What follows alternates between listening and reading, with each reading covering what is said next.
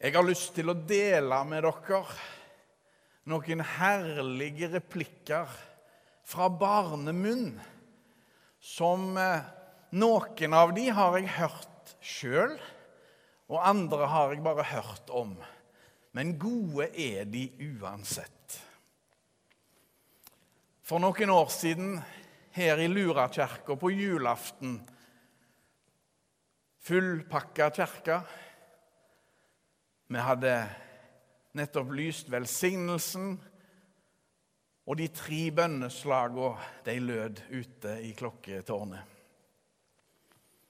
Da er det en liten pode som høres av alle. Nå er det slutt! Herlig. Og det var jo helt sant. Det var jo slutt.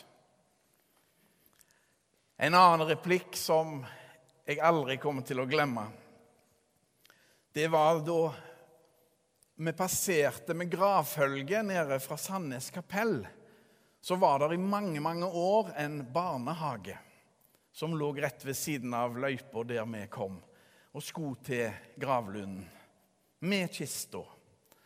Bedemannen og jeg går først. Kista kommer etterpå, og så kommer selvfølgelig resten av sørg, de sørgende. Da er det en liten pode som springer bort til gjerdet, og så spør han meg om du er Jesus Hva skal du svare da? Jeg kunne jo ha svart nei, jeg jobber for han. Det kunne jeg ha svart. Akkurat på samme plass så var det òg noen unger som kom springende. Det var litt etterpå, dette her. En begravelse etterpå.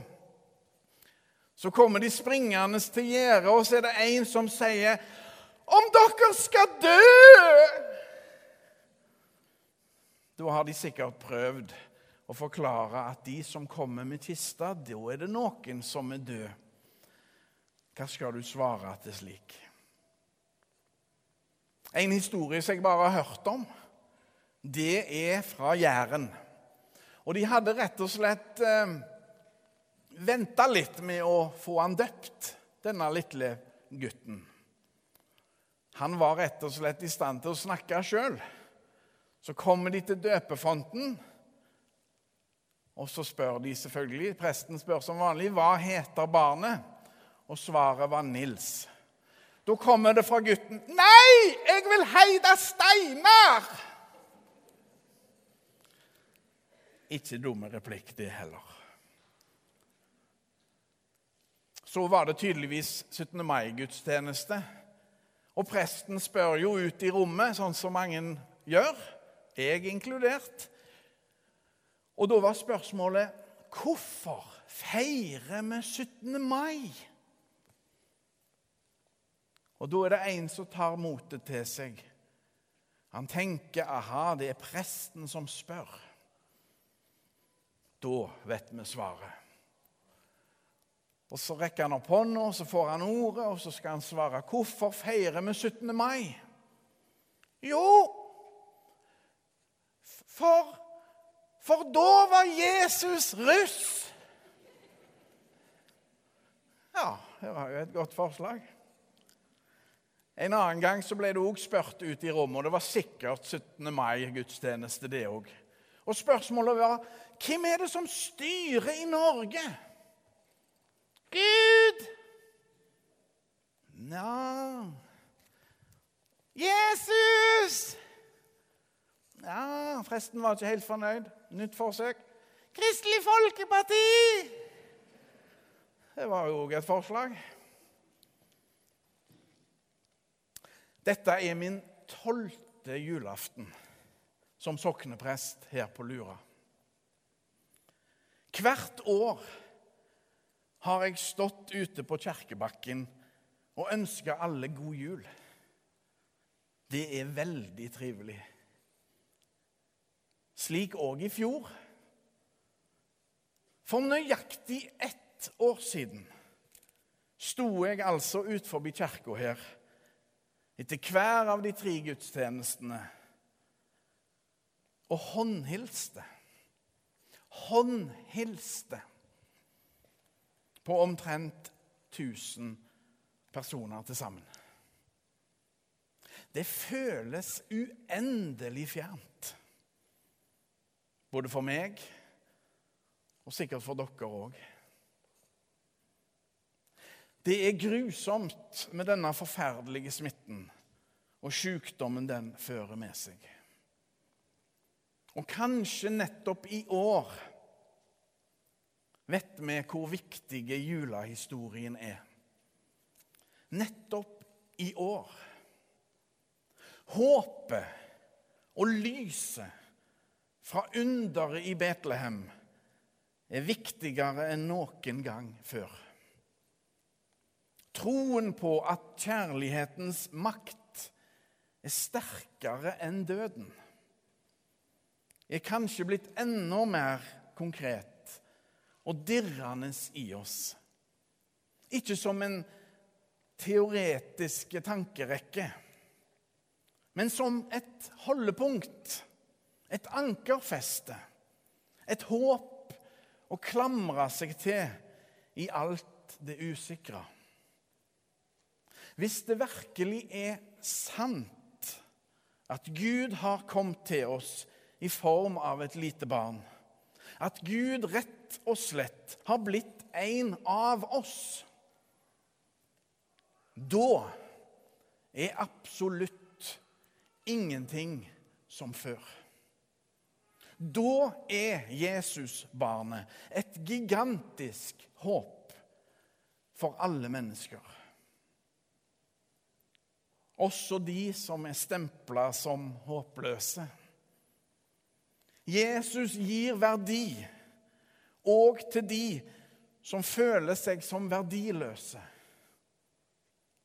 Mening for alle som kjenner livet meningsløst. For de som sliter med livet. For de som er oversett. For de som ingen bryr seg om. Guds kjærlighet gjelder alle mennesker. Da sprenges alle grenser. Og da er det all grunn til å synge. Og det skal vi nå gjøre. Vi skal reise oss, og så skal vi sammen synge 'Og jul med din glede'. Vi reiser oss.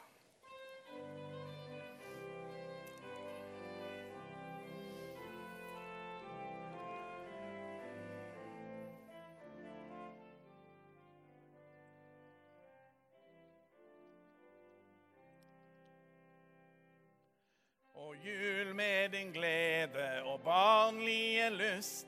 Vi hilser deg alle velkommen. Vi hilser deg alle med jublende røst. Til tusende ganger velkommen. Vi klapper i hendene, vi synger og vi ler. Så glad er vi, så glad er. Vi svinger oss i kretsen og neier og bukker. Vår Herre Jesus kom på forunderlig vis, i glede og undring over dette. La oss bli stående og høre den gamle, gode fortellingen også i det helt spesielle Herrens år 2020. La oss høre Herrens ord. Gud være lovet. Halleluja, halleluja, halleluja. Det står skrevet i evangeliet etter Lukas. Det skjedde i de dager at det gikk ut befaling fra keiser Augustus om at hele verden skulle innskrives i manntall. Denne første innskrivningen ble holdt mens Kvirinius var landshøvding i Syria. Og alle dro av sted for å la seg innskrive, hver til sin by. Josef dro da fra byen Nasaret i Galilea opp til Judea, til Davids by Betlehem siden han var av Davids hus og ett, for å la seg innskrive sammen med Maria, som var lovet bort til ham, og som ventet barn. Og mens de var der, kom tiden da hun skulle føde, og hun fødte sin sønn, den førstefødte. Hun svøpte ham og la ham i en krybbe, for det var ikke husrom for dem. Det var noen gjetere der i nærheten som var ute på marken og holdt nattevakt over flokken sin. Med ett sto en Herrens engel foran dem, og Herrens herlighet lyste om dem. De ble overveldet av redsel. Men engelen sa til dem, Frykt ikke. Se, jeg forkynner dere en stor glede, en glede for hele folket. I dag er det født dere en frelser i Davids by. Han er Messias, Herren. Og dette skal dere ha til tegn. Dere skal finne et barn som er svøpt og ligger i en krybbe.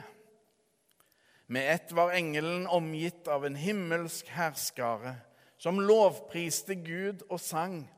Ære være Gud i det høyeste og fred på jorden blant mennesker Gud har glede i. Da englene hadde forlatt dem og vendt tilbake til himmelen, sa gjeterne til hverandre.: La oss gå inn til Betlehem for å se dette som har hendt, og som Herren har kunngjort for oss.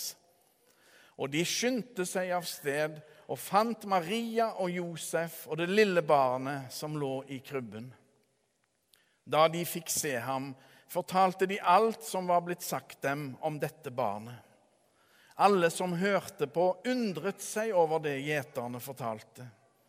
Men Maria tok vare på alt som ble sagt, og grunnet på det i sitt hjerte. Gjeterne dro tilbake. De lovet og priste Gud for alt de hadde hørt og sett. Alt var slik som det var sagt dem. Slik lyder det hellige evangelium. Gud være lovet. Halleluja, halleluja, halleluja.